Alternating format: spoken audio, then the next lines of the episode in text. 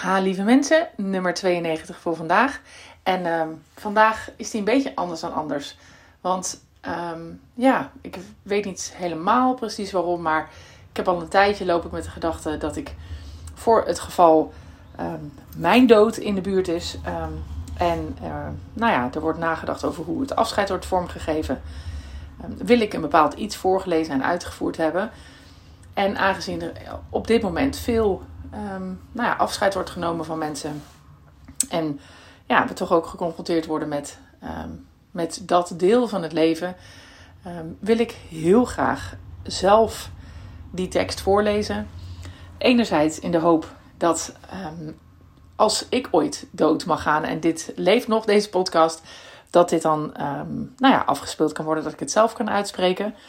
En anderzijds hoop ik mensen te inspireren om vooral om erover na te denken. Want als je merkt hoe vaak mensen er niet over na hebben gedacht en toch afscheid uh, moeten gaan nemen van iemand, um, dat maakt het ingewikkeld. Als je daar wel met elkaar over gesproken hebt of, of over nagedacht hebt, dan is het zoveel fijner en zoveel makkelijker. En dan kan je je focussen op um, ja, ja, het, het vormgeven van het afscheid. En dan hoef je niet meer ontzettend nou ja, moeilijk uh, na te denken met elkaar of zelfs oneenigheid uh, te hebben met elkaar over wat zou iemand gewild hebben.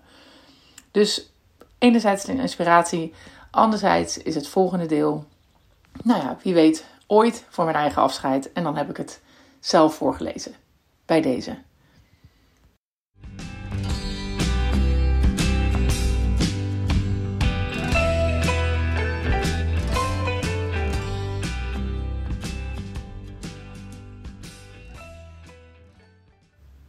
To Remember Me van Robert N. Test. The day will come when my body will lie upon a white sheet, neatly tucked under four corners of a mattress, located in a hospital busily occupied with the living and the dying.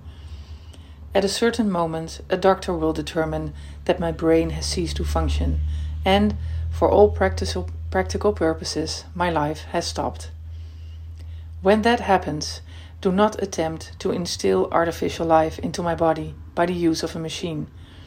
And don't call this my deathbed. Let it be called the bed of life.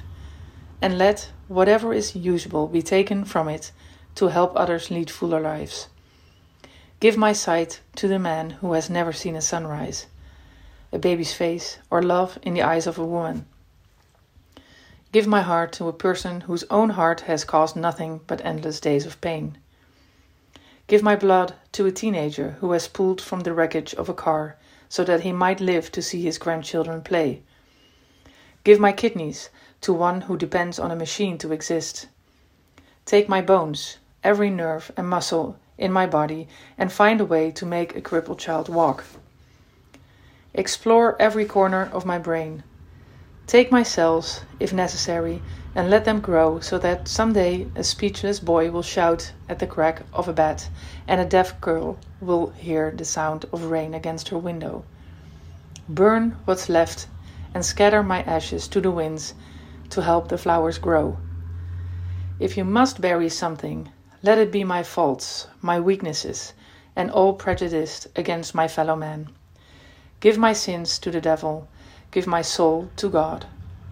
If by chance you wish to remember me, do it with a kind deed or word to someone who needs you.